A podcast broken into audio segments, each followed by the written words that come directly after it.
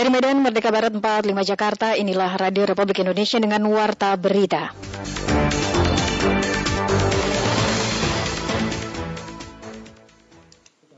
berharap bahwa proses pengajuan calon wakil ketua DPR dari Pak Ludwig bisa diselesaikan, disampaikan dalam rapat paripurna jadi penyebabnya adalah konsentrik listrik. Penyebab dari konsentrik listrik ada karena hambatan yang tidak tepat, kabel yang tidak sesuai, pemasangan instalasi yang acak-acakan.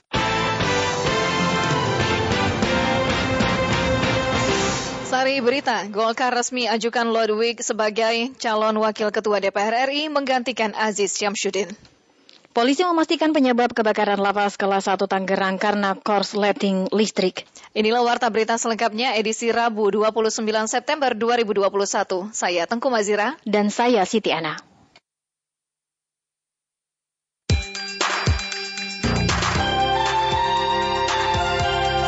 Mengawali warta berita untuk malam hari ini kami hadirkan sekilas berita utama. Ratusan rumah di tiga kampung desa Cidadap, Kecamatan Campaka, Cianjur, Jawa Barat terdampak pergerakan tanah. Seperti dilansir dari kantor berita Antara, puluhan rumah di antaranya rusak berat sehingga beberapa keluarga terpaksa mengungsi. Pergerakan tanah diakibatkan oleh hujan. Presiden Joko Widodo mewajibkan penyelenggara negara yang melakukan pelayanan publik merahasiakan data nomor induk kependudukan dan nomor pokok wajib pajak atau NPWP. Fumio Kishida terpilih sebagai ketua Partai Demokrat Liberal yang berkuasa dengan mengalahkan mantan Menteri Pertahanan Taro Kano. Kishida mengantongi 257 suara, sementara itu Kono hanya meraup 170 suara. Hasil ini menempatkan Kishida sebagai Perdana Menteri menggantikan Suga. Indonesia memastikan juara grup C Piala Sudirman 2021 usai mengalahkan tim Denmark dengan skor 3-2 dalam laga yang berlangsung di Energia Arena, Finlandia petang tadi waktu Jakarta.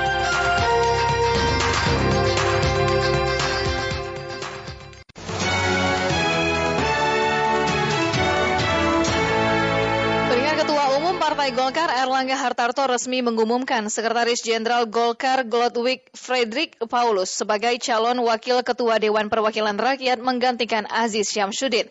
Seperti diliput oleh Rizky Supermana, Ketua DPR Puan Maharani mengatakan DPR akan segera memproses penggantian pimpinan dari Partai Golkar. Wassalamualaikum warahmatullahi wabarakatuh. Itulah suasana konferensi pers Ketua DPR Puan Maharani terkait pengganti posisi Aziz Samsudin yang kosong di kursi pimpinan DPR pasca ditetapkan sebagai tersangka oleh KPK.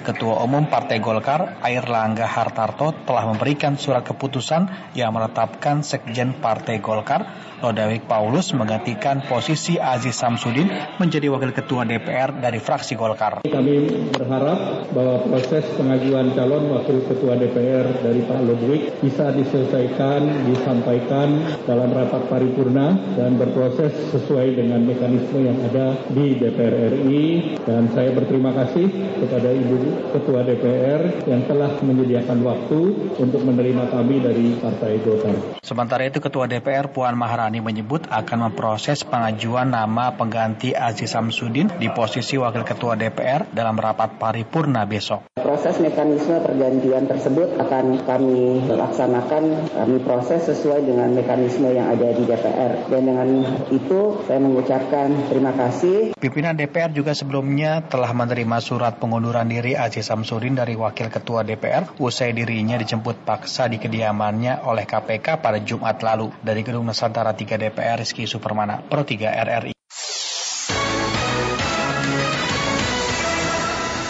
Pendengar Direktur Reskrimun Polda Metro Jaya Kombes Tubagus Ade Hidayat berdasarkan keterangan saksi kebakaran yang terjadi di Lapas Kelas 1 Tangerang, Banten disebabkan oleh korsleting listrik. Polisi telah menetapkan enam orang tersangka. Berikut Agus Wijananto melaporkannya untuk Anda. Teman-teman media semuanya. Saya akan mengupdate tentang kebakaran lapas kelas 1 Tangerang, Banten. Polda Metro Jaya menyimpulkan kebakaran lapas Tangerang yang menewaskan 49 narapidana disebabkan karena korsleting listrik. Kesimpulan itu didapat setelah memeriksa lebih dari 50 saksi termasuk saksi ahli dan petugas pemadam kebakaran. Direktur Kriminal Umum Polda Metro Jaya Kombes Tubagus Adi Hidayat mengatakan korsleting listrik terjadi karena adanya pemasangan instalasi listrik yang tidak sesuai standar, sehingga menyebabkan percikan api yang kemudian menjalar dan menghanguskan lapas. Jadi penyebabnya adalah konsentrik listrik, penyebab dari konsentrik listrik ada karena hambatan yang tidak tepat, kabel yang tidak sesuai, pemasangan instalasi yang acak-acakan, tidak terkontrol melalui MCB. Itu penyebabnya. Oleh karena itulah, maka dicari siapakah yang memasang ini gitu. Dari hasil gelar perkara itu, polisi menetapkan tiga tersangka baru. Menurut Kabit Humas Polda Metro Jaya Kombes Yusri Yunus, mereka lah yang memasang dan yang menyuruh pasang instalasi listrik itu. Ada tiga tersangka dari hasil gelar perkara. Yang pertama adalah satu warga binaan, inisialnya adalah JMN. JMN ini lalainya karena memasang instalasi listrik kabel-kabel yang ada di sana yang mengakibatkan uh, kebakaran yang memang bukan dia sebagai ahli di bidangnya. Yang kedua adalah inisialnya adalah PBB ini yang di atasnya apa si uh, warga binaan dia adalah pegawai ya pegawai lapas yang menyuruh untuk uh, saudara JMN ini untuk memasangkan instalasi listrik tersebut. Ini yang kita tetapkan sebagai tersangka juga. Yang ketiga adalah saudara RS ini atasan langsung dari saudara PBB. Jabatannya dia sebagai bagian umum, ya, bagian umum di lapas kelas 1 Tangerang. Nah, tiga orang ini yang kita tetapkan sebagai tersangka. Jadi total semuanya sudah enam orang yang kita tetapkan sebagai tersangka. Dengan adanya penetapan tiga tersangka baru itu berarti sampai saat ini total ada enam tersangka kasus kebakaran lapas Tangerang. Keenam tersangka itu akan dijerat pasal-pasal KUHP dengan ancaman hukuman 5 tahun penjara. Saksi mengungkap pengadaan tiga unit quayside container crane tanpa ada kajian dari Pelindo. Saksi menyampaikan dalam sidang dengan terdakwa mantan Direktur Utama Pelindo II RJ Lino seperti yang diliput oleh Muhammad Isnan Suhanda berikut ini. Pengadilan Tipikor Jakarta pada Pengadilan Negeri Jakarta Pusat kembali melakukan persidangan kasus dugaan tindak pidana korupsi, pengadaan dan pemeliharaan Q Crane Container Pelindo II dengan terdakwa mantan Direktur Utama Pelindo II RJ Lino. Kasus yang merugikan negara sekitar 1,9 juta US dollar atau setara dengan 2 triliun lebih tersebut menghadirkan saksi Perialdi Norland, mantan Direktur Operasi dan Teknik Pelindo II. Dalam keterangannya ketika menjawab pertanyaan jaksa penuntut umum KPK Wawan Yunarwanto yang menanyakan apakah dalam pengadaan crane tersebut dilakukan semacam penelitian atau kajian untuk membeli crane dari Cina. Ya, nah, berarti kan saudara sudah punya gambaran nih. Ya. Nah, ketika kemudian ada perintah go for belief ini, apakah kemudian saudara ikut aja atau saudara baru apa namanya uh, memberikan pandangan terkait dengan pendapat saudara yang sebelumnya gitu loh. Karena kan di sini kan evaluasi itu kan baru disuruh menyiapkan gitu loh. Karena karena kan memang belum ada kajian ke sana. Belum ada kajian gitu.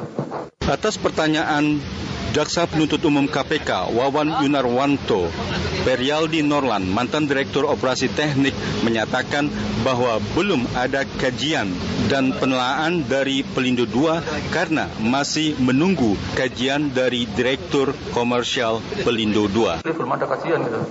Uh, kajian twin lift itu kan Pak seterusnya nanti pada yang tadi direktur komersial itu. Kami belum bergerak apa-apa sebelum ada kajian itu. Itu jadinya jadi kami tidak bergerak kami kami evaluasi terhadap internal kami di Direktorat Operasi Teknik. Dan kemudian uh, juga kami menunggu dari tadi yang uh, kajian uh, komersialnya itu baru baru bisa bisa jalan. Dan dan itu kami laporkan di yang akhir Maret itu kalau nggak salah kami lapor kepada Direktur Utama. Kasus tindak pidana korupsi, pengadaan dan pemeliharaan Q Crane Container Pelindo 2 tersebut diajukan tanpa melakukan penelaan. Padahal proyek tersebut merupakan proyek besar antara Indonesia dan Republik Rakyat Cina. PT Pelindo 2 langsung melakukan penunjukan terhadap perusahaan China untuk melakukan pengadaan Q Crane Container di Pelindo 2. Pendengar pemerintah resmi mengirimkan surat presiden atau surpres rancangan undang-undang pemindahan ibu kota negara. Menteri Perencanaan Pembangunan Nasional atau PPN, Kepala Bappenas Suharso Manuarfa di gedung DPR RI mengatakan pembangunan ibu kota negara dilakukan secara bertahap. Berikut Rini Hairani melaporkan. Yang paling tahu detailnya tentu saja Bapak Menteri PPN Kepala Bappenas PIC-nya. Pemerintah resmi mengirimkan surat presiden atau surpres rancangan Undang-Undang ya, Pemindahan Ibu Kota Negara atau IKN yang diserahkan Menteri Sekretariat Negara Pratikno dan Menteri Perencanaan Pembangunan Nasional atau Kepala Bappenas Suharso Manuarfa di ruang pimpinan DPR Gedung Nusantara 3 Kompleks Parlemen Senayan Jakarta Rabu 29 September 2021. Dalam keterangan persnya, Suharso Manuarfa mengatakan rancangan Undang-Undang IKN ini terdiri dari 9 bab yang berisi 30 24 pasal. Di antaranya berisi tentang ibu kota negara, bentuk organisasi, pengelolaan hingga tahap-tahap pembangunan dan pemindahan ibu kota negara beserta pembiayaan. Pemerintah berharap rancangan undang-undang ibu kota negara tersebut dapat segera diundangkan DPR RI. Disebutkan Soeharto salah satu isi dari surprise tersebut menyatakan pembangunan dari ibu kota negara baru akan dilakukan secara bertahap. Undang-undang ini terdiri dari 34 uh, eh, pasal, 9 bab dan telah disusun uh, sedemikian rupa mengikuti kaidah-kaidah penyusunan sebuah rancangan undang-undang sebagaimana dimuatkan di dalam naskah akademik. Pada kesempatan yang sama, Mensesnek Pratikno mengatakan ibu kota negara baru ini bukan sekedar menjadi kantor pemerintahan semata, melainkan juga akan menjadi motor dan katalis kemajuan Indonesia ke depannya. Mimpi besarnya bukan hanya sekedar memindahkan ibu kota, tetapi juga membuat sebuah motor kemajuan baru Indonesia. Jadi kita ingin membangun sentra inovasi yang berkelanjutan dan menjadi sumber inspirasi dan sekaligus motor kemajuan Indonesia ke depan. Sebelumnya Presiden Joko Widodo dalam sejumlah kesempatan mengatakan upaya pemindahan ibu kota negara dari DKI Jakarta ke Kalimantan Timur terus berjalan. Pada 24 Agustus 2021, Presiden bersama sejumlah menterinya meninjau langsung infrastruktur penunjang, yakni sodetan akses jalan di Jalan Tol Balikpapan Samarinda menuju ibu kota negara.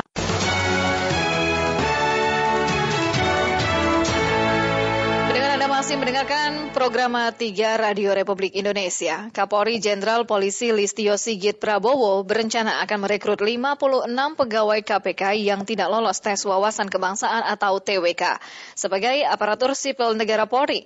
Diketahui mereka yang tidak lolos TWK resmi diberhentikan secara terhormat per 30 September besok. Adapun mekanisme perekrutan ASN Polri masih dibahas. Berikut laporan khusus bersama Safira Amalia. Laporan khusus. Laporan khusus. Laporan khusus terhadap enam orang pegawai KPK yang dinyatakan tidak memenuhi syarat dan diberi kesempatan mengikuti pendidikan dan pelatihan bela negara dan wawasan kebangsaan, namun tidak mengikutinya, maka tidak bisa diangkat menjadi aparatur sipil negara dan akan diberhentikan dengan hormat per tanggal 30 September 2021. Memberhentikan dengan hormat kepada 50 orang pegawai KPK yang dinyatakan tidak memenuhi syarat per tanggal 30 September tahun 2021. Demikian keputusan pimpinan KPK terhadap 56 pegawai yang tidak lulus dalam tes wawasan kebangsaan TWK. Keputusan itu disampaikan Wakil Ketua KPK Alexander Mawarta pada pertengahan bulan September lalu. 56 pegawai nonaktif KPK itu akan resmi diberhentikan per 30 September 2021. Kapolri Jenderal Polisi Listio Sigit Prabowo kemudian menawarkan kepada 56 pegawai yang tak lolos TWK itu untuk menjadi ASN di Polri. Pihaknya bahkan telah bersurat kepada Presiden atas perekrutan ASN ini. Kemarin, tanggal 27, kami mendapatkan surat jawaban dari Bapak Presiden melalui Menseknek secara tertulis prinsipnya beliau setuju 56 orang pegawai KPK tersebut untuk bisa menjadi ASN Polri. Tentunya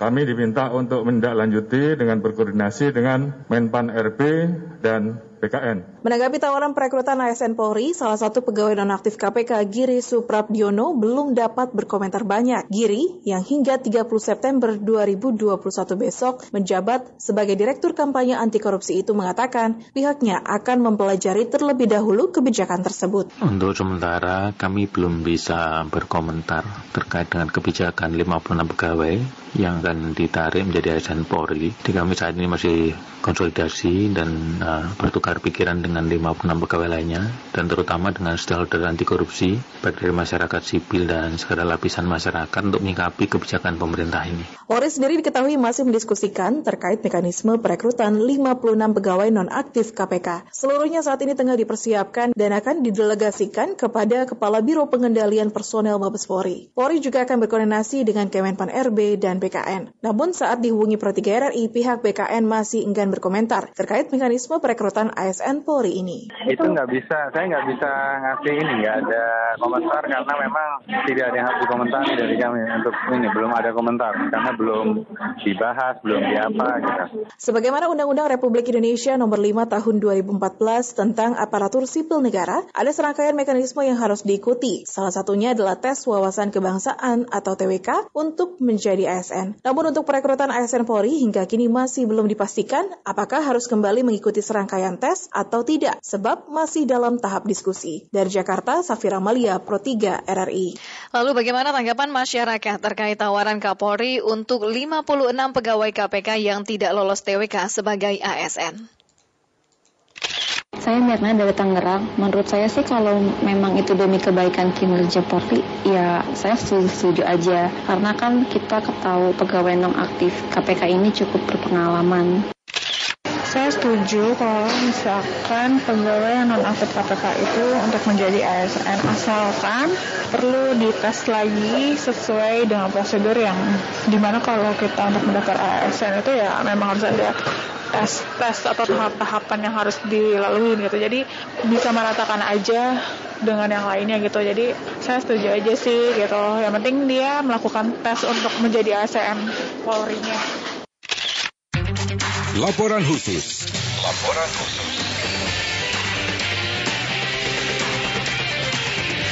Laporan khusus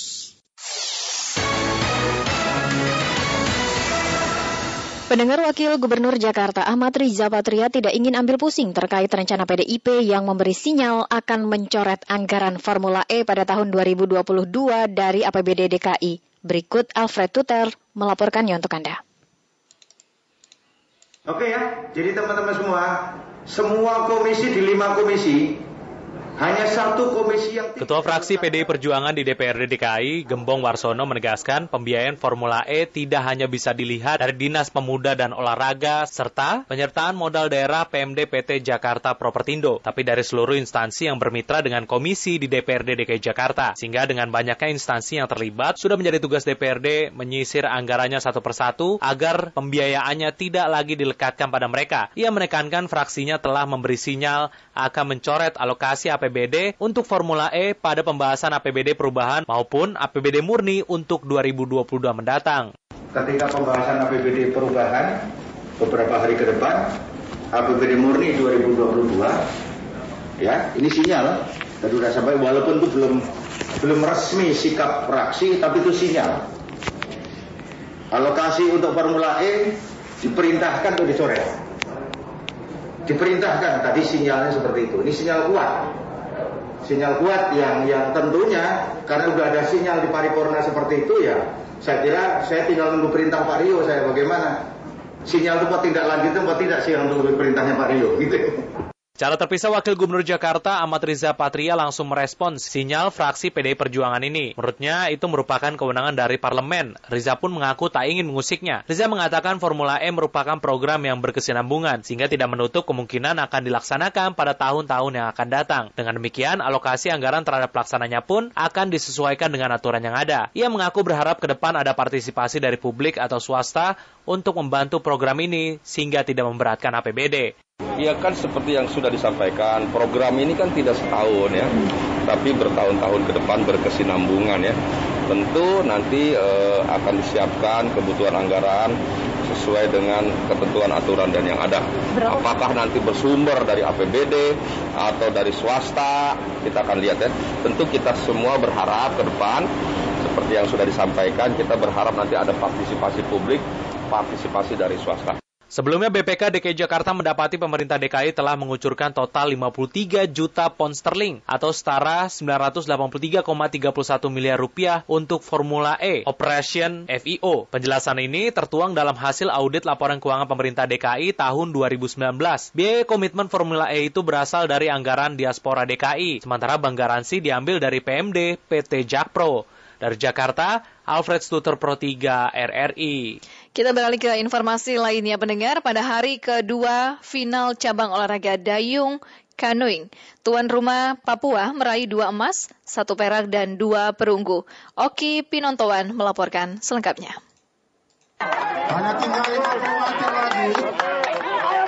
Cabang olahraga dayung PON 20 Papua Rabu 29 September 2021 memasuki hari kedua babak final dengan lima nomor final. Provinsi Papua dan Jawa Barat masing-masing menyabet dua medali emas dan satu emas bagi DKI Jakarta. Emas perdana bagi tim Papua dari nomor kayak satu putri jarak 500 dipertandingkan di venue dayung Teluk Yoteva, Kota Jayapura. Atlet asal Papua Stefani Maisi Ipu mampu menyumbangkan emas perdana dayung bagi tim Bumi Cendrawasih dengan catatan waktu 2 menit 7 detik 532 second second. Sedangkan perak diraih pedayung asal Riau, Raudani Fitra, dan perunggu atlet Sulawesi Barat, Ramlah B. Nomor dayung kayak dua putri jarak 500 tim tuan rumah Papua kembali mengukir prestasi. Darsila Kambubui dan Shome Alidayani Monim berhasil meraih medali emas dengan catatan waktu 2 menit 99 second. Perak diraih atlet DKI Jakarta, Cinta dan Melati Fajar, sedangkan perunggu atlet Jawa Barat Riana dan Avenda Intan. Nomor dayung kayak 4 putra jarak 500 emas diraih atlet Jawa Barat Andri Agus Mulyana Indra Hidayat, Chandra Destia, Nugraha, dan Erik Saf. Perak diraih atlet Kalimantan Selatan dan perunggu diraih atlet tuan rumah Felix Yunius Yehuda, Roykel Monim Antonius Wehu, dan Julius Daimoe. Dayung Kano dua putri jarak 200 meter, emas diraih atlet Dayung Jawa Barat Nurmedi dan Ratih. Perak oleh tim tuan rumah Batseba Puadi dan Sela Olcemonim, perunggu oleh atlet Jambi, Denita, dan Rizka. Cabur Dayung Kayak 4 putri, jarak 500 meter, pedayung DKI Jakarta Cinta, Ayuning Melati, dan Iin meraih medali emas di disusul Perak, Jawa Barat, dan perunggu diraih atlet tuan rumah Dorsila Kambubui, Ivon Marindike, Yoki, Helmin Entong, dan Esther Justince. Fani Ibu peraih medali emas perdana bagi Provinsi Papua di cabur dayung ditemui saya menerima medali menyampaikan rasa syukur dan berharap Papua mampu meraih prestasi maksimal di PON tahun ini.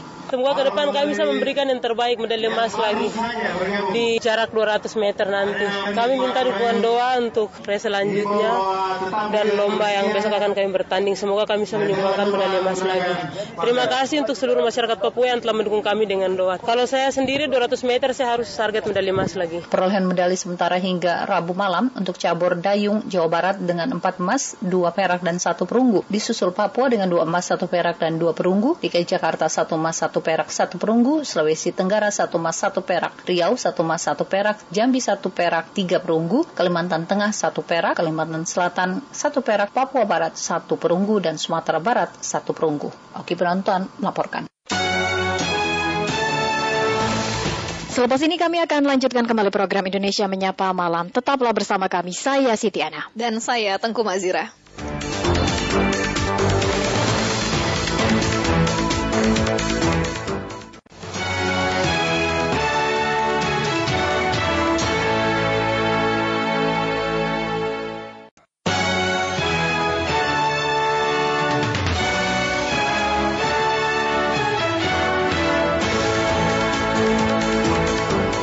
Medan Merdeka Barat 45 Jakarta, inilah Radio Republik Indonesia dengan Warta Berita.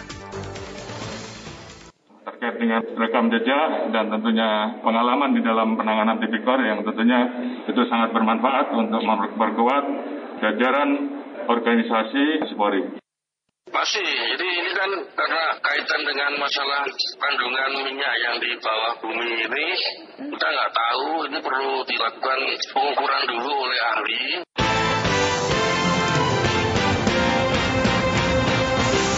Sari berita pagi ini, Kapolri akan menarik pegawai KPK yang tidak lulus TWK menjadi ASN Polri. Kobaran api yang membakar sumur minyak ilegal di Kabupaten Batanghari Jambi masih menyala. Inilah warta berita selengkapnya Rabu 29 September 2021 bersama saya Rudi Zain.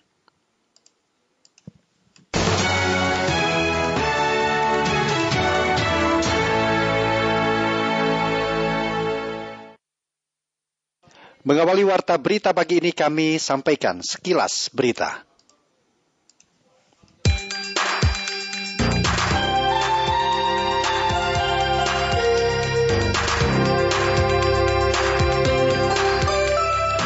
Panglima TNI Marsikal TNI Hadi Cahyanto dan Kapolri Jenderal Polisi Listio Sigit Prabowo memastikan PON ke-20 di Papua akan berjalan aman. Hampir 50 juta warga negara Indonesia telah menerima vaksin COVID-19 secara lengkap atau dua kali suntikan vaksin. Dinas Perdagangan dan Perindustrian Kota Bandung, Jawa Barat terus menggencarkan vaksinasi COVID-19 bagi para pedagang di pasar-pasar tradisional.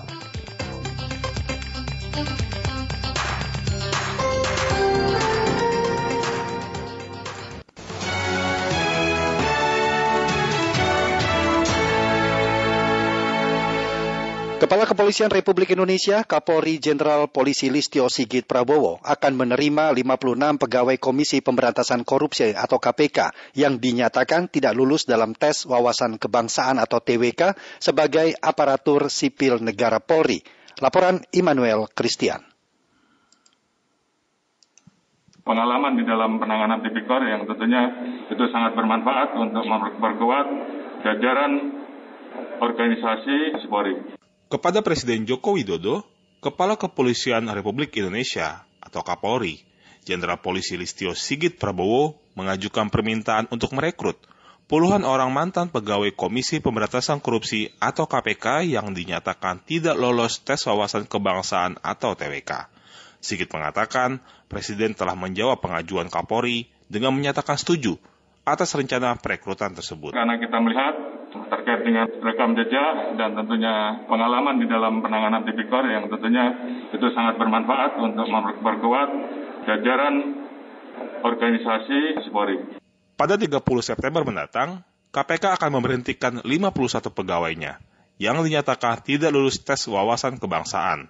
Meski ada puluhan pegawai yang akan diberhentikan, Ketua KPK Firly Bahuri menyampaikan KPK akan tetap terus bersemangat mempertahankan perjuangan untuk pemberantasan korupsi. Yang ketiga, kami juga ingin menyampaikan terima kasih kepada semua insan KPK yang telah memberikan uh, dedikasi, andil, dan rangka uh, membangun dan memperkuat pemberantasan korupsi.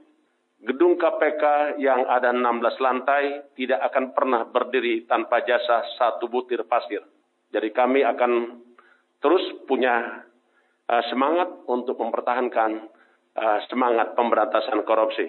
Sebelumnya KPK menyatakan ada 75 pegawai yang dinyatakan tidak lolos tes wawasan kebangsaan atau TWK. Kepada mereka, Ketua KPK Firly Bahuri menyampaikan terima kasih atas dedikasi dan andil para pegawai tersebut selama ini.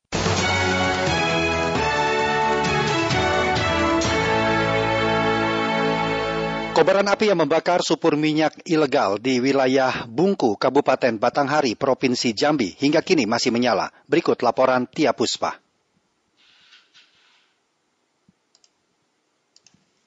Kapolres Batanghari mengatakan sumber api masih keluar dari lubang sumur minyak ilegal yang ada tekanan gas. Ketinggian kobaran api sekarang mencapai 5 meter. Posisi lubang sumur minyak ilegal yang terbakar berada di lereng tebing bukit. Di bawah sumur ada lembah. Polres Batanghari terus berupaya melakukan melokalisir supaya api tidak membakar tanaman sekitar. Kapolres Batanghari AKBP Heru Ekwanto mengatakan, Pertamina direncanakan akan melakukan pengecekan terhadap kandungan minyak yang berada di dalam bumi. Sehingga hari ini pihaknya masih bekerja sama BPBD Provinsi Jambi melakukan persiapan untuk memastikan keamanan saat dilakukan pengecekan. Polres Batanghari telah menetapkan tiga orang tersangka pelaku terbakarnya sumur ilegal, di antaranya merupakan oknum polisi, pekerja sumur ilegal yang mengalami luka bakar sebanyak 80 persen, dan pemodal. Saat ini Polres Batanghari masih melakukan pengembangan terhadap tersangka lainnya. Masih, jadi ini kan karena kaitan dengan masalah kandungan minyak yang di bawah bumi ini, kita nggak tahu, ini perlu dilakukan pengukuran dulu oleh ahli.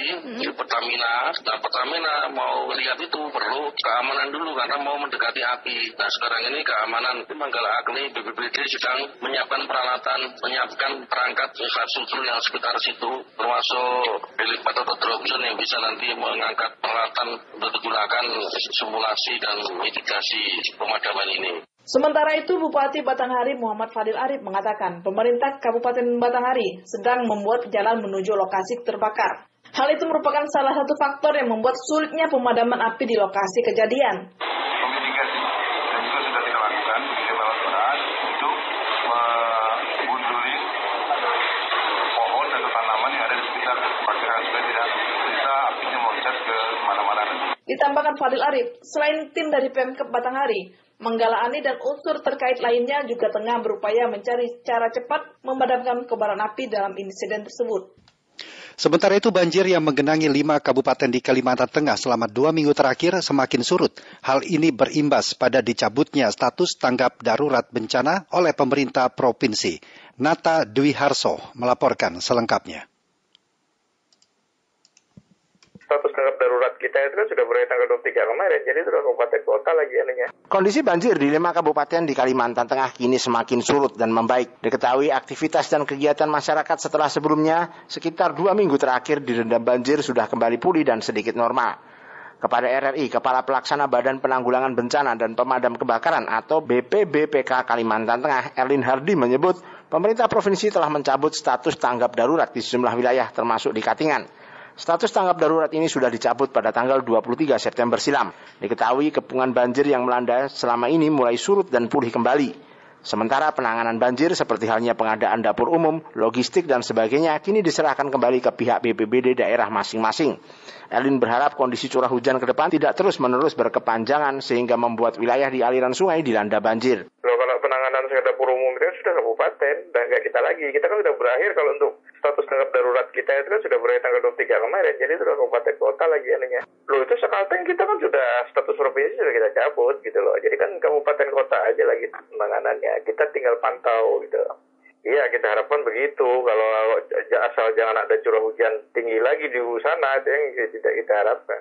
Sementara itu Kepala Seksi dan Data BMKG Provinsi Kalimantan Tengah, Anton Budiono mengungkap memang potensi banjir masih dapat terjadi jika intensitas dan curah hujan masih sangat tinggi. Ini dimungkinkan terjadinya banjir di sejumlah wilayah bantaran sungai dan daerah aliran sungai atau DAS.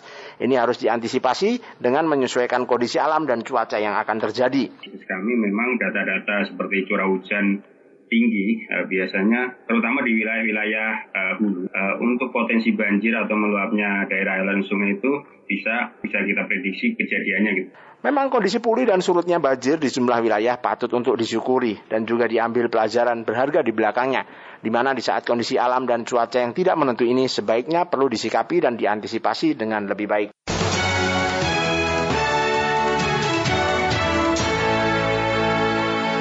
Pendengar kita simak informasi dari luar negeri. Tiongkok mendukung Indonesia untuk menjadi hub produsen vaksin COVID-19 di kawasan. Selain dukungan moral, Tiongkok melalui duta besarnya di Indonesia juga memberikan sejumlah asistensi seperti pengadaan vaksin hingga transfer teknologi. Berikut kami hadirkan laporan Retno Mandasari. Third, beneficial to the region. Upaya Indonesia dalam menangani pandemi COVID-19 turut mendapatkan dukungan penuh dari negara-negara sahabat. Tidak hanya bantuan berbagai peralatan medis hingga vaksin, namun dukungan moral juga diberikan kepada Indonesia untuk bisa menjadi hub produsen vaksin COVID-19 di kawasan. Tiongkok menjadi salah satu negara sahabat yang telah menyatakan dukungannya itu. Ketika menghadiri Hari Jadi Tiongkok ke-72 yang dihelat secara daring Selasa 28 September, Duta Besar Tiongkok untuk Indonesia, Xiao Qian, menyebut kolaborasi kerjasama penanganan pandemi COVID-19 bersama Indonesia turut diwujudkan dengan mendukung secara aktif untuk Indonesia membangun pusat vaksin regional. Dijelaskan Xiaoqian, saat ini setidaknya terdapat lima perusahaan farmasi Tiongkok yang tengah bekerja sama dengan Indonesia terkait upaya pengembangan vaksin COVID-19 di tanah air. Tiongkok secara aktif mendukung Indonesia untuk membangun pusat vaksin regional, yang mana dipercaya tidak hanya memenuhi kebutuhan vaksin Indonesia, tapi juga untuk mengekspor vaksin ke sejumlah negara tetangga di masa depan. Dikatakan Xiaoqian hingga saat ini setidaknya sebanyak 215 juta vaksin dari dua perusahaan farmasi Tiongkok telah melakukan ekspor ke Indonesia. Sejauh ini Sinovac dan Sinopharm telah mengekspor 215 juta vaksin ke Indonesia, sekitar 20 persen ekspor Tiongkok di periode yang sama dan 80 persen impor Indonesia. Menteri Koordinator Bidang Kemaritiman Luhut Binsar Panjaitan menyatakan memberikan apresiasi kepada pemerintah Tiongkok yang telah menyalurkan berbagai bantuan untuk penanganan pandemi COVID-19 di Indonesia. Menko Maritim mengharapkan kemitraan kedua negara di sektor kesehatan dapat diperkuat dan diperdalam. Dukungan kepada pemerintah Indonesia sebagai hub vaksin, bioteknologi, serta peralatan medis, manufaktur, termasuk sebagai upaya untuk tantangan serupa yang mungkin berkembang di masa depan. Dubes Siokian yang memulai penugasan di Indonesia pada Desember 2017 itu juga memanfaatkan pertemuan secara daring selasa sore untuk mengucapkan perpisahan menjelang berakhirnya penugasannya di Indonesia pada Oktober mendatang. Xiaoqian memastikan kemitraan antara Tiongkok dan Indonesia akan terus berlanjut, terutama melalui kemitraan strategis yang komprehensif. I'd like to take this opportunity to extend my sincere thanks Kembali melonjaknya kasus COVID-19 di Singapura dengan angka yang mencapai hampir 2.000 kasus per hari, membuat pemerintah Indonesia memperketat akses masuk guna mencegah terjadinya penularan dari negara-negara tetangga. Laporan Safira Amalia sudah di atas seribu bahkan e, dua hari lalu sempat menyentuh 1930. Beberapa negara tetangga diketahui mengalami lonjakan kasus pandemi COVID-19. Satu di antaranya adalah Singapura. Meski penduduk Singapura disiplin terhadap protokol kesehatan, begitupun dengan cakupan vaksinasi yang telah mencapai 84 persen. Namun Singapura kini tengah mengalami lonjakan COVID-19 hampir 2.000 kasus per hari. Duta Besar Indonesia untuk Singapura Suryo Pratomo mengungkapkan penambahan kasus disebabkan dari masuknya varian baru serta tingkat penularan lokal yang signifikan. Dengan wilayah kecil padat penduduk, rumah warga Singapura cenderung sempit dan dihuni oleh banyak orang sehingga transmisi mudah terjadi. Jadi kalau kita lihat sedikit ke belakang, Singapura itu mulai masuk ke varian Delta itu pada tanggal 8 Mei. Nah 8 Mei ini kemudian kasusnya terjadi penularan di antara masyarakat yang tidak pernah sebelumnya terjadi selama satu setengah tahun di Singapura. Nah yang kemudian kemudian terjadi mulai tanggal 23 Oktober itu kasusnya meningkat. Mulai dari 90, kemudian 100, 200, 300. Nah seminggu terakhir ini sudah di atas 1000 bahkan e, dua hari lalu sempat menyentuh 1939 tetapi kemarin turun lagi menjadi sekitar 1600. Jadi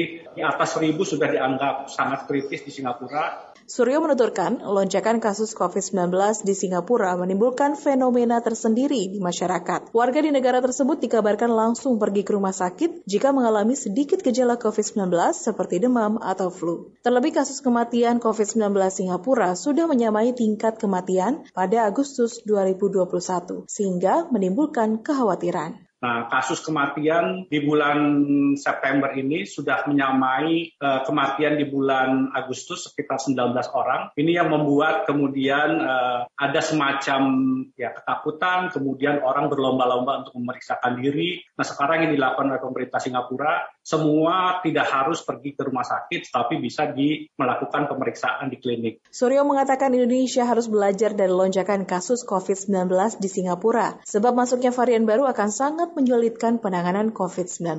Untuk itu antisipasi dengan cara pengetatan pintu masuk dinilainya menjadi langkah tepat untuk mencegah peningkatan kasus. Sementara itu Ketua Bidang Perubahan Perilaku Satgas Penanganan COVID-19 Sony Hari Harmadi mengatakan, Indonesia saat ini dikelilingi oleh negara-negara yang mengalami lonjakan kasus COVID-19, sehingga upaya pembatasan pintu masuk Indonesia sangat diperlukan. Sekarang itu kan entry point kita, titik masuk kita sudah sangat dibatasi. Udara hanya di Soekarno-Hatta dan Samratulangi Manado, lalu kemudian eh, darat hanya boleh di Entikong, Aruk, ya, Nunukan dan Mata Ain di Timor Leste, dan laut juga hanya dua, ya, Batam dan Tanjung Pinang. Sony mengatakan meski situasi pandemi COVID-19 di Indonesia membaik, Indonesia perlu terus waspada terhadap lonjakan ketiga, yakni dengan tetap meneruskan pemberlakuan PPKM, meningkatkan testing, memperbaiki tracing, terus menerapkan protokol kesehatan, memasifkan penggunaan aplikasi peduli lindungi, serta percepatan vaksinasi.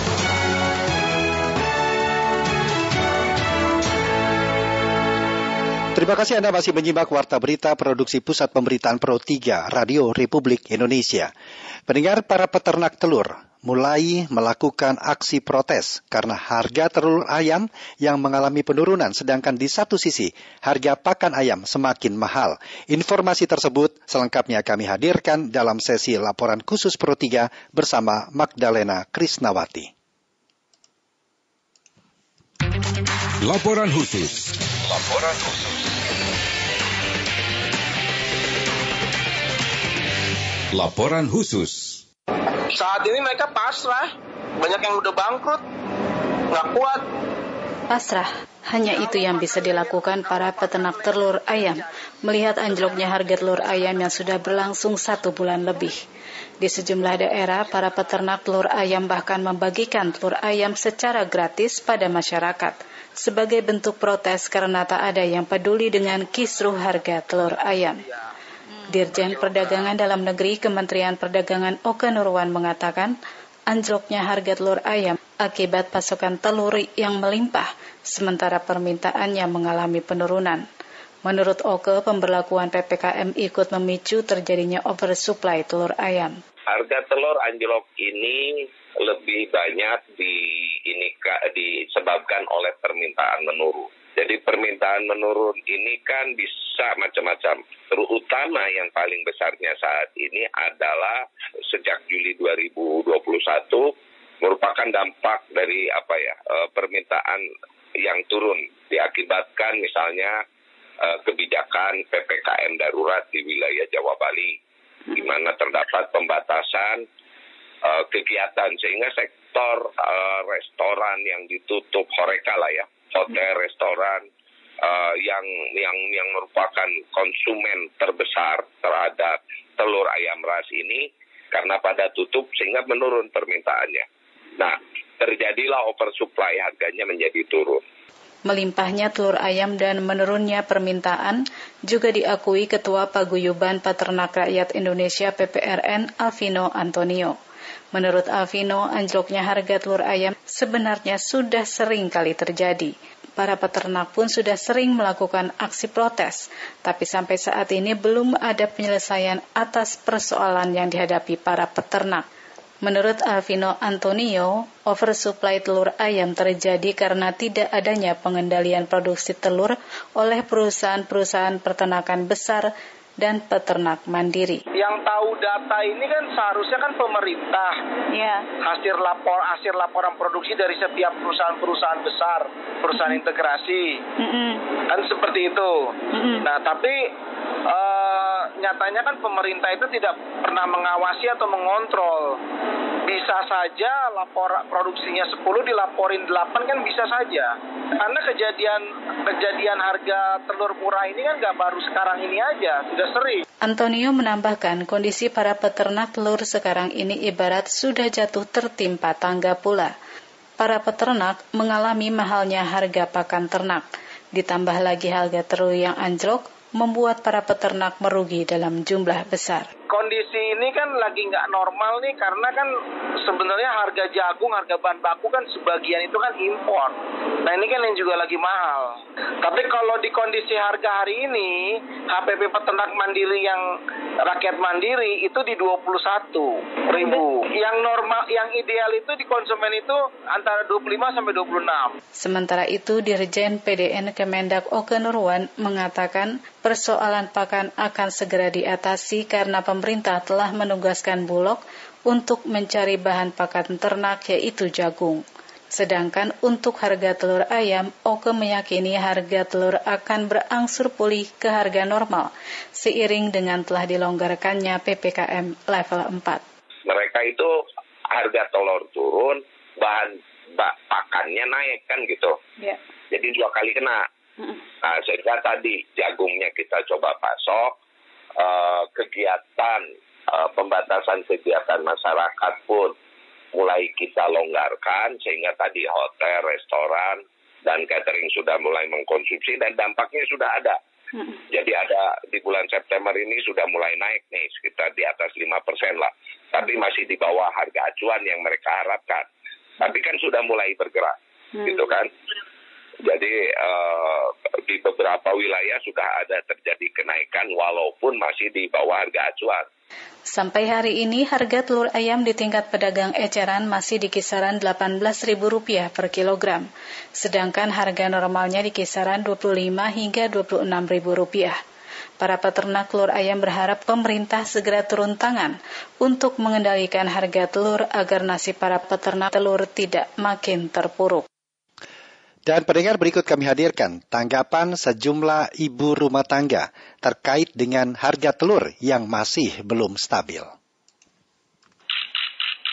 Di Cilodong, mm-hmm. terakhir kemarin beli sekitar 2-3 hari yang lalu lah, masih 25. Waktu ya kurang lebih 4-5 hari yang lalu lah, sempet 28, sempet 27, tapi nggak lama, tapi rata-rata stabil 25 sampai 45 hari kemarin. Lagi murah sekarang. Jadi lebih sering beli telur daripada beli yang lain. Kayak lagi murah, alhamdulillah. Kalau telurnya segitu, 18, 18 setengah, 19. Berarti di, di, di petani unggas tuh di, di, bisa di bawah bisa di bawah 15 ribu, di, jauh bisa di bawah 10 ribu kali apa 10 ribu deh sekilo. Kita yang suka beli telur dengan harga segitu itu kan murah banget kan, lumayan. Kecuali kalau harganya naik tinggi. Kita pasti nanya pun naiknya tinggi banget sih. Emang kenapa sih? Nah tuh baru nanya. Kalau harganya turun mah kita jarang nanya.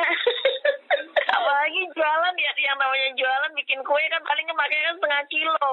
Sekarang bisa beli dengan harga sepuluh ribu setengah kilo. Eh, ya lumayan kan empat ribu empat ribu kan lumayan banget itu.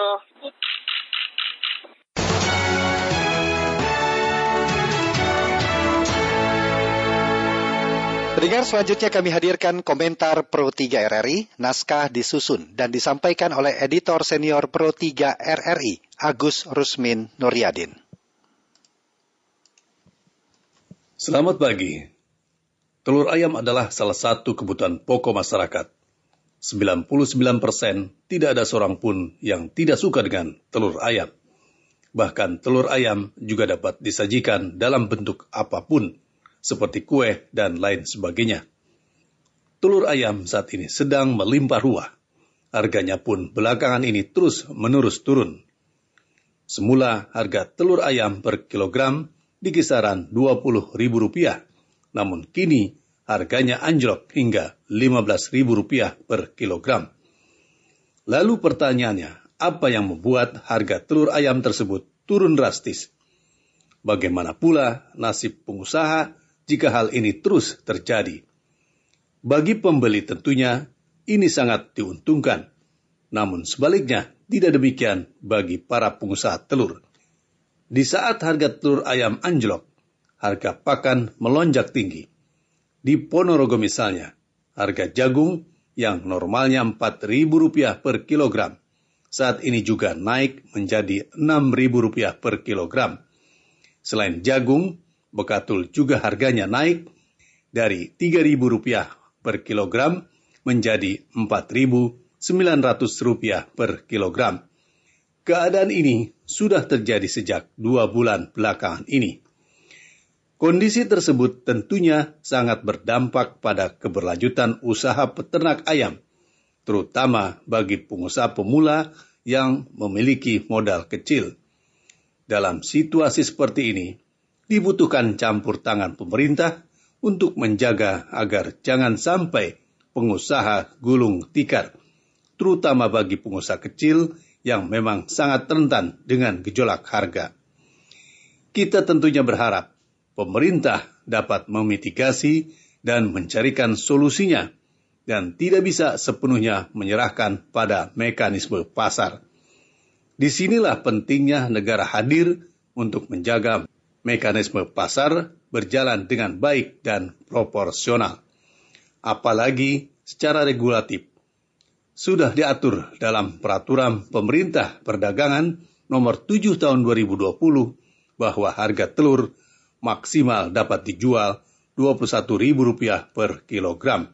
Strategi lainnya yang dapat dilakukan pemerintah adalah menyerap telur-telur peternak ke dalam bantuan sosial atau bansos yang diberikan pemerintah.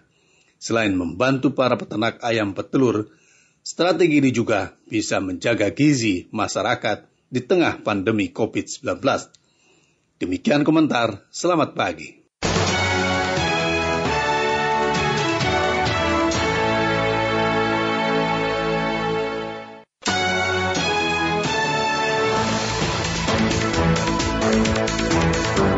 Demikian warta berita pagi ini. Kami harap Anda tetap bersama kami untuk menyimak informasi-informasi aktual lainnya dalam program Indonesia Menyapa Pagi.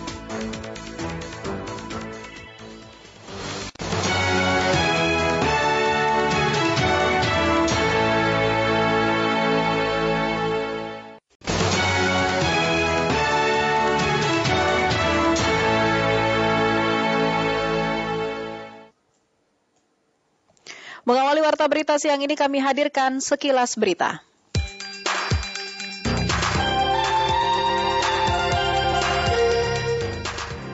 Badan Narkotika Nasional BNN menegaskan daun kratom masuk narkotika golongan 1 karena efek yang ditimbulkan 13 kali kekuatannya dari morfin. BNN juga melarang kratom untuk digunakan dalam suplemen makanan dan obat tradisional. Sebanyak 264 pasien COVID-19 masih dirawat di Rumah Sakit Darurat Wisma Atlet Kemayoran, Jakarta Pusat.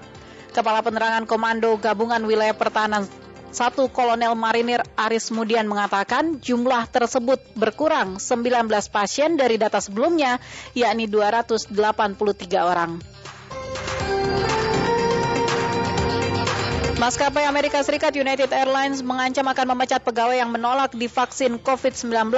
Seperti dilansir AFP, ada 593 pegawai yang menolak divaksin corona. Kontingen Jawa Timur menyabet medali emas sepak takraw nomor double team putra Pekan Olahraga Nasional PON ke-20 dengan mengalahkan Sulawesi Selatan 2-1 dalam partai final yang berlangsung di Gor Trikora, Kota Jayapura.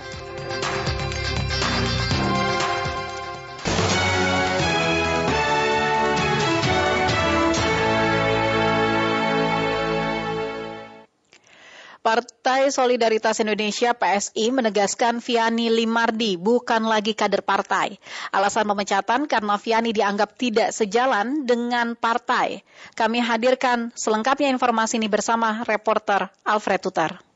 Jawaban ini kami sampaikan terkait pertanyaan rekan-rekan wartawan terhadap pemberhentian Sisviani Limardi. PSI akhirnya buka suara soal pemecatan kadernya yang juga anggota DPRD DKI Jakarta, Viani Limardi. Ketua DPP PSI, Isyana Bagus Oka mengonfirmasi langsung hal ini. Viani menurutnya sudah tidak lagi bagian dari PSI tertanggal Sabtu 25 September 2021. Namun, alasan yang diungkap Isyana tak segamblang dalam surat pemecatan.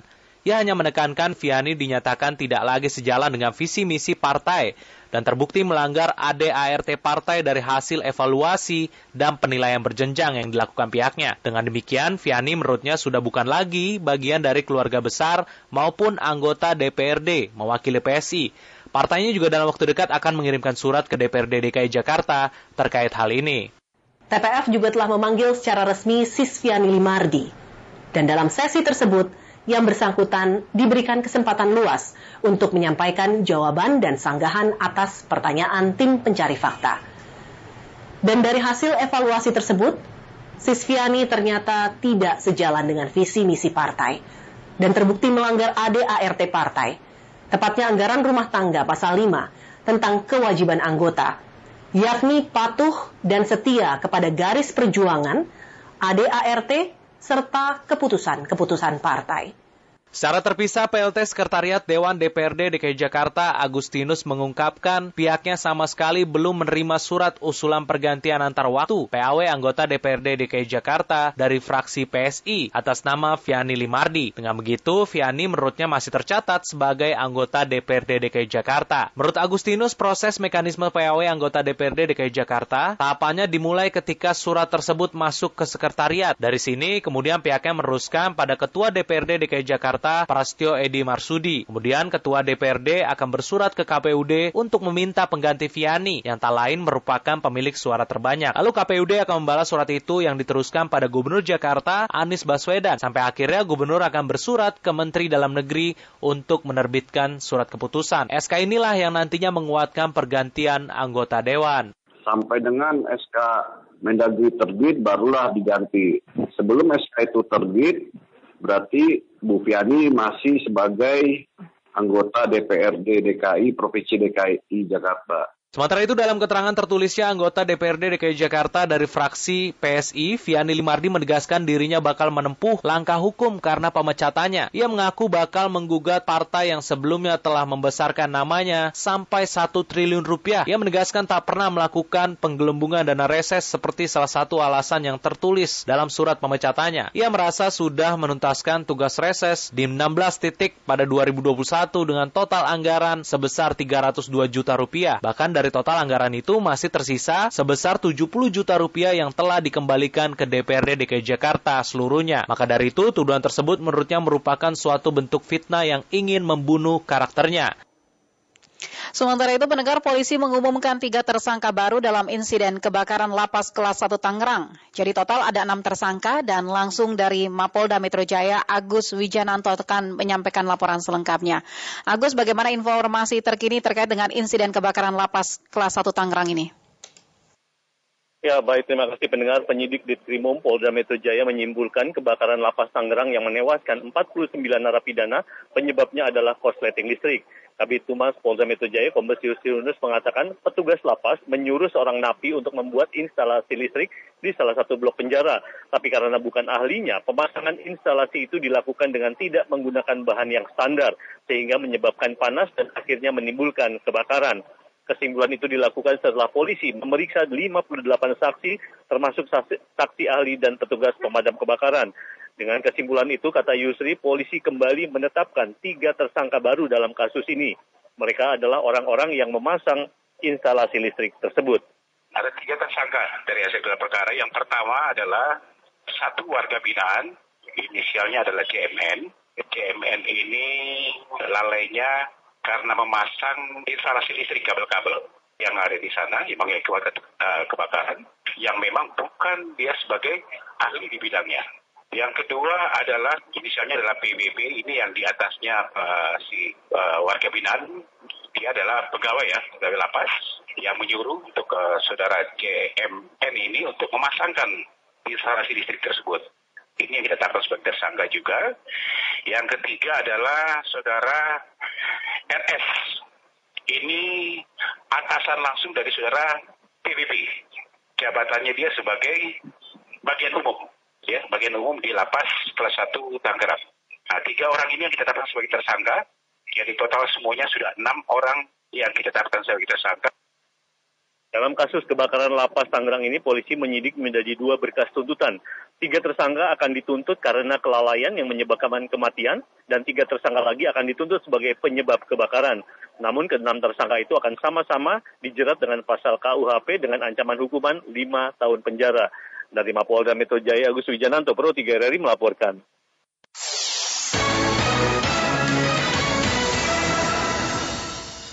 Direktur Sosialisasi dan Kampanye Anti Korupsi Nonaktif KPK Giri Supradiono mengaku masih berkoordinasi dengan 55 pegawai KPK lainnya yang tidak lolos tes wawasan kebangsaan atau TWK terkait rencana Kapolri untuk merekrut mereka.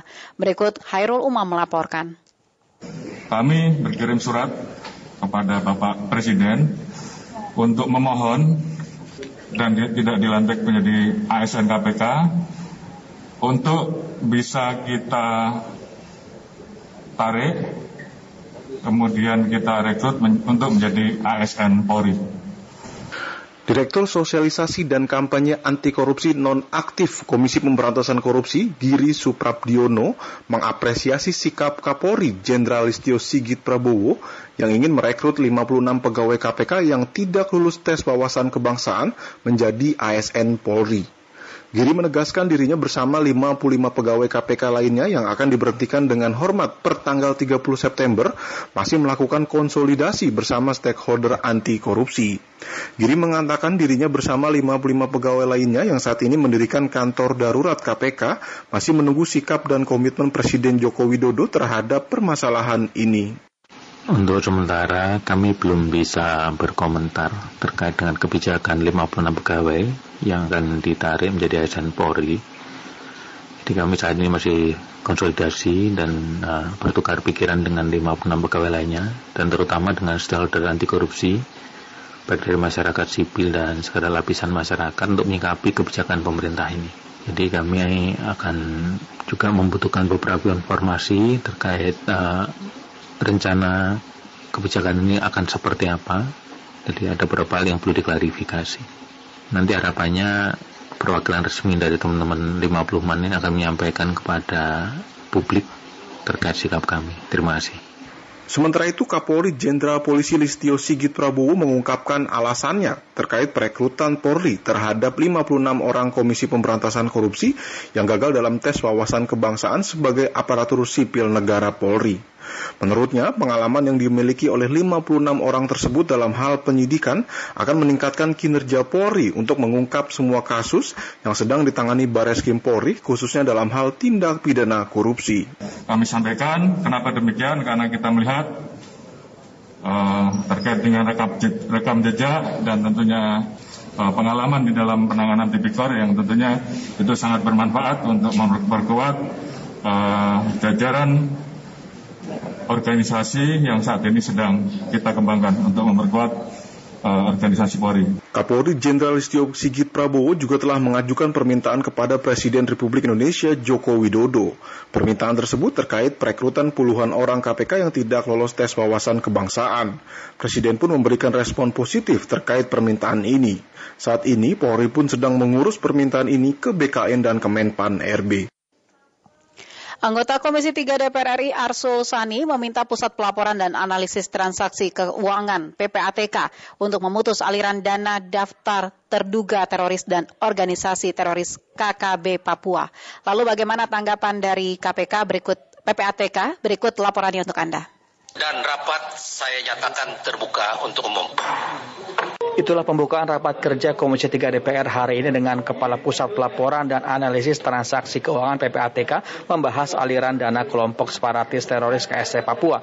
Anggota Komisi 3 DPR Arsul Sani menyebut aliran dana KST harus dibekukan untuk menghentikan kegiatan yang mengancam keutuhan NKRI. Politisi dari fraksi P3 ini meminta PPATK segera memutus aliran dana daftar terduga teroris dan organisasi teroris atau DTTOT KKB Papua yang semakin semakin meneror masyarakat. APBD dan otonomi khusus Papua ke kelompok-kelompok bersenjata. Bahwa PPATK sebagai bagian dari Satgas DTTOT ini sejauh mana telah melakukan proses penetapan individu atau korporasi yang terlibat dalam KKP eh, ke dalam eh, DTTOT. Karena proses DTTOT ini melalui PN Jakarta Pusat. Sementara itu Ketua PPATK Dian Ediana Rai menyebut pihaknya bersama Kapolri Polri menunggu keputusan di Pengadilan Negeri Jakarta Pusat untuk membekukan aliran dana DTTOT KST Papua. Kepala pelaku yang melakukan kejahatan Pak terhadap negara kita, melakukan kekerasan kekerasan dan lain sebagainya kita harus bisa kelompokkan dan itu kita sudah memberikan rekomendasi sesuai proses DTTOT kami sudah merekomendasi rekomendasi juga dan dukungan kepada Kapolri untuk segera untuk bisa menyerahkan ini ke eh, Pengadilan Negeri Jakarta Pusat Pak untuk kemudian ditetapkan. Nanti kami akan cek kemudian Pak sampai di mana prosesnya. Ketua PPATK Dian Ediana Rai menyebut data DTTOT atau daftar terduga teroris dan organisasi teroris akan dirahasiakan karena menyangkut individu atau korporasi yang terlibat dalam kasus hukum dari ruang sidang Komisi 3 DPR Rizky Supermana Pro 3 RRI.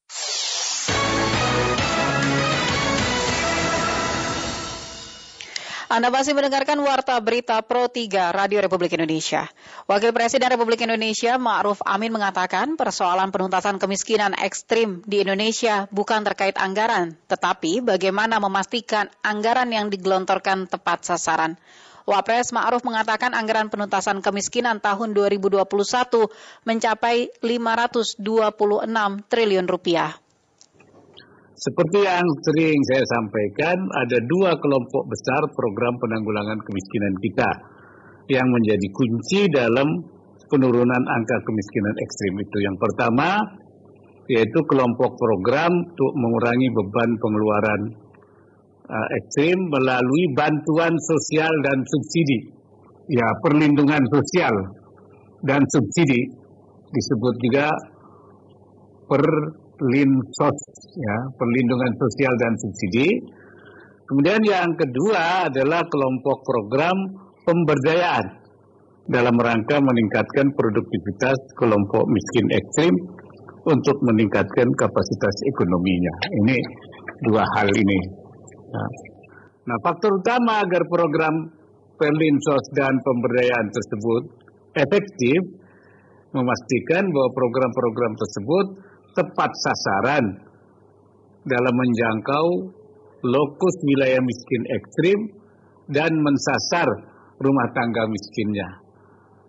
Untuk itu saya ingin meng mengingatkan kita semua supaya bisa memastikan seluruh program itu dapat menjangkau 35 kabupaten prioritas pengurangan kemiskinan ekstrim tahun 2021 ini di tujuh provinsi itu. Sesuai arahan Presiden Jokowi, upaya pengentasan peng kemiskinan ekstrim pada 2021 difokuskan di 35 kabupaten pada 7 provinsi, yakni Jawa Barat, Jawa Tengah, Jawa Timur, Nusa Tenggara Timur, Maluku, Papua Barat, dan Papua. Berdasarkan data yang dirilis BPS, jumlah penduduk miskin secara nasional berjumlah 10,4 juta jiwa.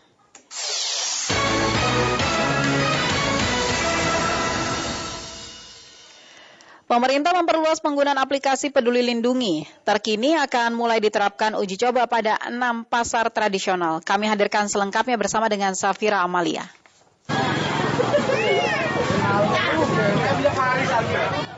Guna melindungi masyarakat dari virus COVID-19, pemerintah terus memperluas penggunaan aplikasi Peduli Lindungi. Targetnya, tingkat penularan di berbagai fasilitas umum dapat ditekan. Terkait hal ini, juru bicara Satgas Penanganan COVID-19, Wiku Adhisa Smito mengatakan, pemerintah akan menguji coba penerapan aplikasi Peduli Lindungi di sejumlah pasar tradisional. Diberitahukan pula bahwa uji coba penerapan aplikasi Peduli Lindungi akan dilaksanakan di enam pasar rakyat, yakni Pasar Majestik di Jakarta, Pasar Blok M di Jakarta, Pasar Baltos di Bandung, Pasar Modern BSD di Tangerang Selatan, Pasar Modern 8 Alam Sutra di Tangerang, dan Pasar Wonodri di Semarang. Penerapan aplikasi Peduli Lindungi di pasar tradisional merupakan bagian dari komitmen pemerintah untuk merealisasikan hidup produktif dan aman COVID di Indonesia. Pada penerapannya terdapat sejumlah syarat uji coba aplikasi Peduli Lindungi di pasar tradisional yang ditetapkan oleh pemerintah. Di antaranya pedagang dan pengelola pasar sudah divaksin. Kemudian penerapan protokol kesehatan dilakukan dengan ketat, memiliki akses pintu masuk dan keluar yang dapat dikontrol pengelola, serta menyediakan SDM dalam penerapan penerapan aplikasi Peduli Lindungi. Manajer Umum dan Humas Perumda Pasar Jaya, Gatra Faganza menyebut, Pasar Majestic dan Pasar Blok M Square telah dipilih menjadi dua lokasi uji coba pertama penggunaan aplikasi Peduli Lindungi dengan sejumlah pertimbangan. Karena memang harapan kami adalah semua pasar bisa menerapkan uh, aplikasi ini begitu ya, tapi kami juga sadar kami perlu uh, melakukan suatu percobaan terlebih dahulu gitu sebelum akhirnya secara masif akan dilaksanakan secara menyeluruh di pasar-pasar kami. Uh, pertimbangannya adalah untuk di Majestic dan Blok M Square itu memang dari sisi bangunan itu sudah lebih modern dan controllingnya juga sudah lebih uh, baik gitu ya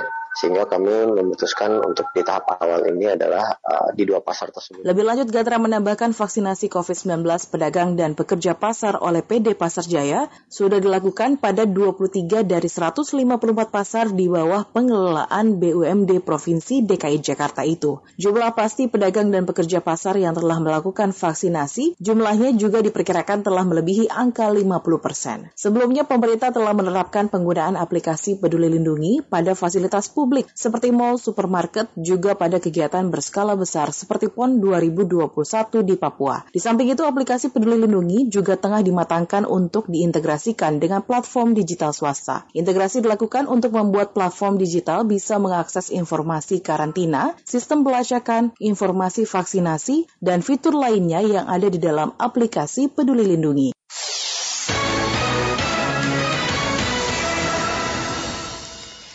Tiga tim futsal PON 20 Papua memastikan tiket semifinal yang berlangsung di Gor Futsal SP2 Timika. Tim mana saja yang tampil di semifinal berikut Arnold Saudia. Saudila akan melaporkan langsung dari Timika. Arnold, tim mana saja yang akan tampil di babak semifinal nanti? Baik, Jenny. Terima kasih uh, pendengar. Ya, betul sekali.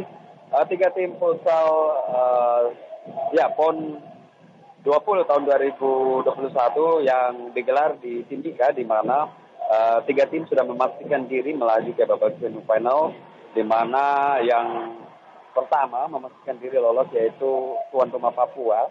Kemudian ada runner up-nya di grup A yaitu uh, Nusa Tenggara Barat atau NTB. Kemudian untuk di grup B yang baru saja berakhir yaitu saling berhadapan uh, Jawa Barat menghadapi Jawa Timur. Uh, sebelumnya uh, Jawa Barat terlebih dahulu sudah lolos di babak penyisian dan saat ini Jawa Timur juga berhasil dipastikan lolos ke ya babak empat besar atau semifinal. Jadi sudah ada empat tim yang uh, lengkap sudah uh, akan saling berhadapan di uh, babak semifinal.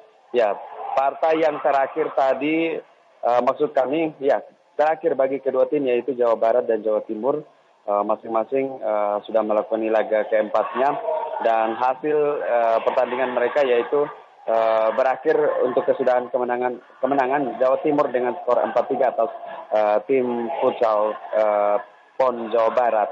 Maka uh, ya Provinsi Jawa Timur melengkapi uh, slot terakhir untuk lolos ke babak semifinal. Uh, kalau saya, saya Anda mendengar, uh, saya dan juga masyarakat uh, Indonesia bahwa ya ini sementara uh, sedang uh, persiapan antara tuan rumah uh, Papua menghadapi Kalimantan Barat. Ya seperti saya informasikan bahwa uh, laga ini tidak akan uh, berarti bagi Papua, namun penting juga untuk uh, menjaga uh, nama besar sebagai tuan rumah. Sementara untuk Kalimantan Barat, laga ini uh, memang tidak menjadi hitungan karena memang uh, Kalimantan Barat sudah uh, kalah dan ya dua kali kalah dan satu kali kemenangan. Walaupun menang tidak akan cukup uh, mencukupi nilai mereka untuk uh, lolos ke fase berikut yaitu semifinal. Uh, partai lain yang akan berlangsung pada hari ini uh, ya pada pukul ya pada pukul 17.30 hingga nanti pada pukul 20.30 yaitu laga yang sudah tidak masuk uh, perhitungan untuk babak semifinal yaitu Provinsi Banten melawan Maluku Utara. Ini kedua tim sama-sama menderita di penyisian uh, babak penyisian mereka di cabang olahraga futsal yang berlangsung di Gor uh, Futsal SP2 Timika. Uh, Seni. Ya, itu dia tadi pendengar laporan dari Arnold Saudilah langsung dari Timika. Berita olahraga lainnya, tim Indonesia akan menurunkan full tim melawan Denmark pada perebutan juara grup C Piala Sudirman. Seperti apa peluang Hendra Setiawan dan kawan-kawan? Kami hadirkan selengkapnya bersama Priyarni Sonya.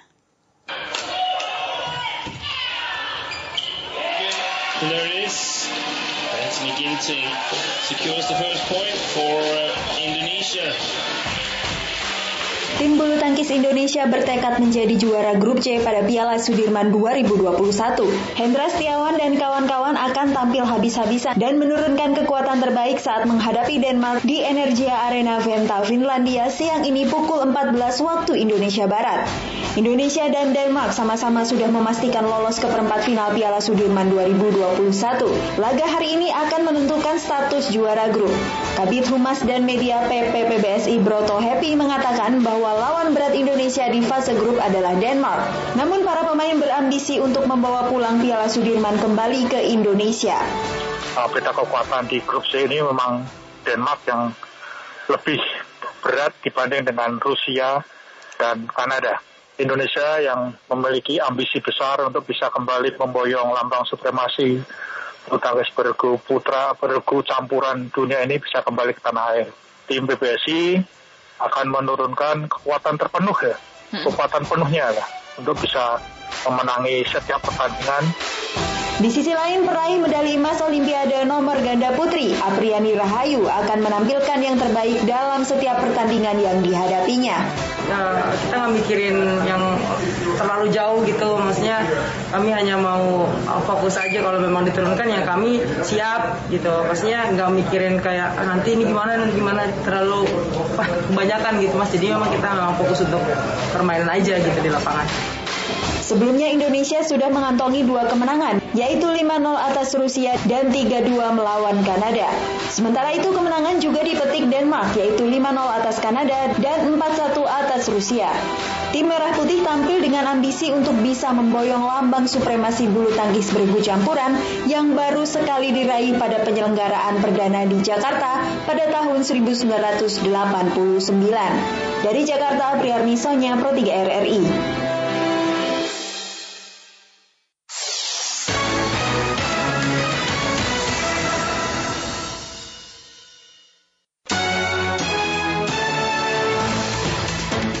Demikian mendengar informasi-informasi yang kami hadirkan dalam Warta Berita siang ini. Selepas ini kami akan menghadirkan kembali Indonesia Menyapa Siang. Tetaplah bersama Pro 3 RRI.